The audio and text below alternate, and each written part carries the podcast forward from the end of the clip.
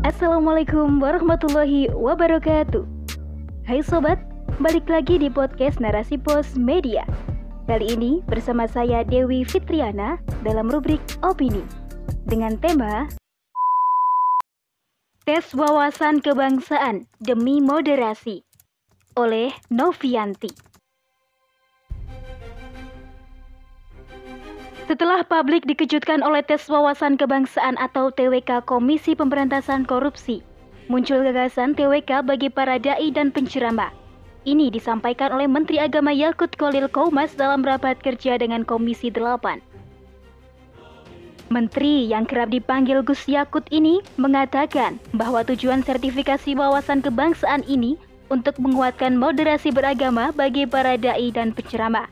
Dengan demikian, diharapkan nantinya para dai dan penceramah mampu menjawab isu-isu aktual dengan metode dakwah yang menitik beratkan pada wawasan kebangsaan. Menurutnya, ini sesuai dengan semangat slogan Hubul Waton Minal Iman. Usulan menak ini bukan hal yang baru, karena tahun 2020 menak saat itu Fakrul Rozi mengusulkan program penceramah bersertifikat untuk mencegah paham radikalisme. Menteri Yakut hanya melanjutkan program menteri sebelumnya dengan redaksi berbeda. Isu yang diangkat tidak jauh dari narasi radikalisme, terorisme, dan moderasi beragama. Isu terorisme, radikalisme, deradikalisasi sudah dihembuskan sejak 10 tahun yang lalu. Pada tahun 2011 ada peralangan terhadap buku-buku tertentu yang kontennya dianggap radikal, yakni yang terkait syariah, jihad, dan khilafah. Jelas, upaya TWK yang bertujuan mengukuhkan moderasi beragama adalah pelestarian dan kelanjutan dari upaya usang program deradikalisasi yang menyasar orang-orang yang menyuarakan tentang syariah, jihad, dan khilafah. Padahal hakikatnya, jihad dan khilafah adalah bagian ajaran Islam yang seharusnya dipahami oleh kaum muslimin. Bukan sekedar pengetahuan sejarah, melainkan termasuk dalam pembahasan fikih. Ketika ulama atau penulis menyampaikan hal tersebut semata-mata merupakan pelaksanaan kewajiban demi menginformasikan pada umat tentang Islam tanpa ada ditutupi dengan mengajak untuk mengamalkannya. Umat tidak hanya harus tahu perintah sholat, puasa, atau haji saja, karena Islam juga mengatur muamalah, ukubat atau sanksi hukum Islam, jihad termasuk menegakkan kekuasaan yang menjamin pelaksanaan seluruh syariatnya. Allah memerintahkan Hai orang-orang beriman, masuklah kalian ke dalam Islam secara total, dan janganlah kalian mengikuti langkah-langkah setan. Sungguh, setan itu musuh yang nyata bagimu.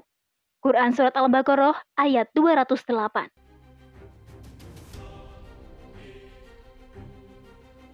Seorang muslim tidak boleh memilih dan memilah syariah hanya demi hawa nafsu, mengambil yang disukai lantas menolak yang lainnya.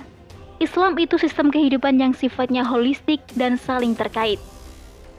Islam sebagai rahmatan lil alamin hanya terwujud jika diterapkan sebagai sistem. Sistem ibadah, sistem politik, sistem ekonomi, sistem pendidikan, sistem sosial, semua merujuk pada Al-Quran. Syariat Islam itu pasti membawa kebaikan termasuk bagi negara Indonesia. Karena tak sepatutnya para da'i yang membawa kebaikan bagi negeri ini harus diuji TWK Bahkan justru TWK ini menjadi gagasan kontraproduktif karena mengukuhkan gagasan moderasi yang bertentangan dengan konsep Islam. Bukan hanya kontraproduktif, tetapi juga berpotensi memunculkan konflik secara vertikal dan horizontal. Umat Islam merasa dicurigai pemerintah dan tubuh umat Islam menjadi terkotak-kotak. Sejatinya masih banyak persoalan yang harus diselesaikan oleh Kemenak. Maraknya korupsi, kasus perzinahan, meningkatnya LGBT, tingginya angka perceraian, dan gagalnya keberangkatan calon jamaah haji. Ini persoalan nyata di tengah masyarakat.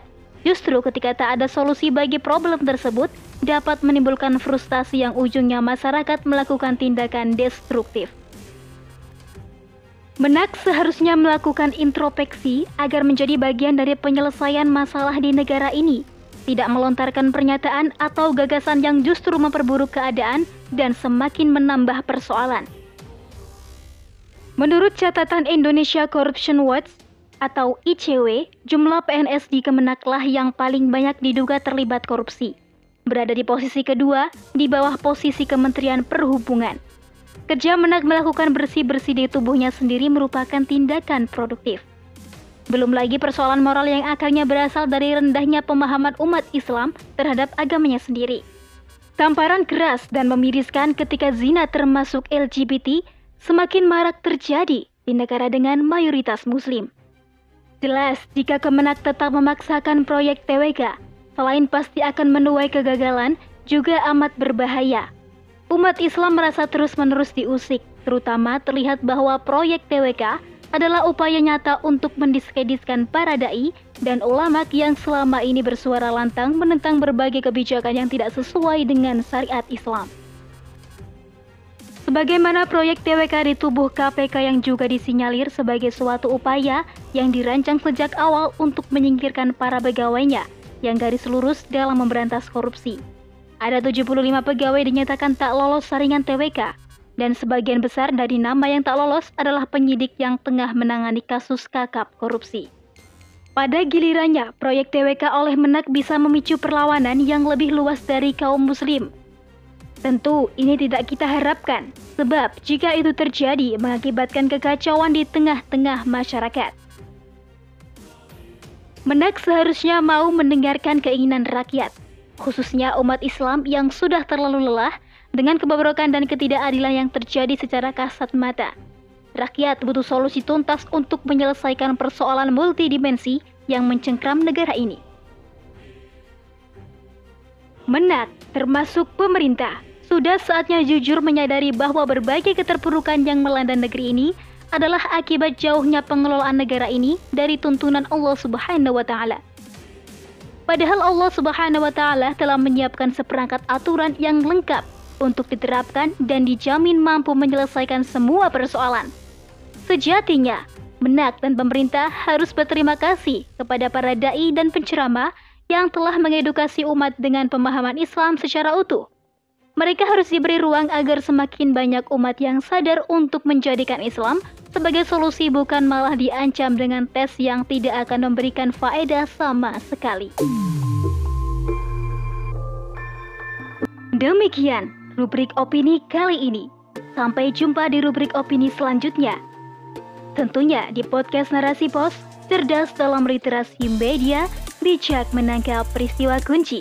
Saya Dewi Fitriana, pamit undur diri dari ruang dengar sahabat semuanya. Wassalamualaikum warahmatullahi wabarakatuh.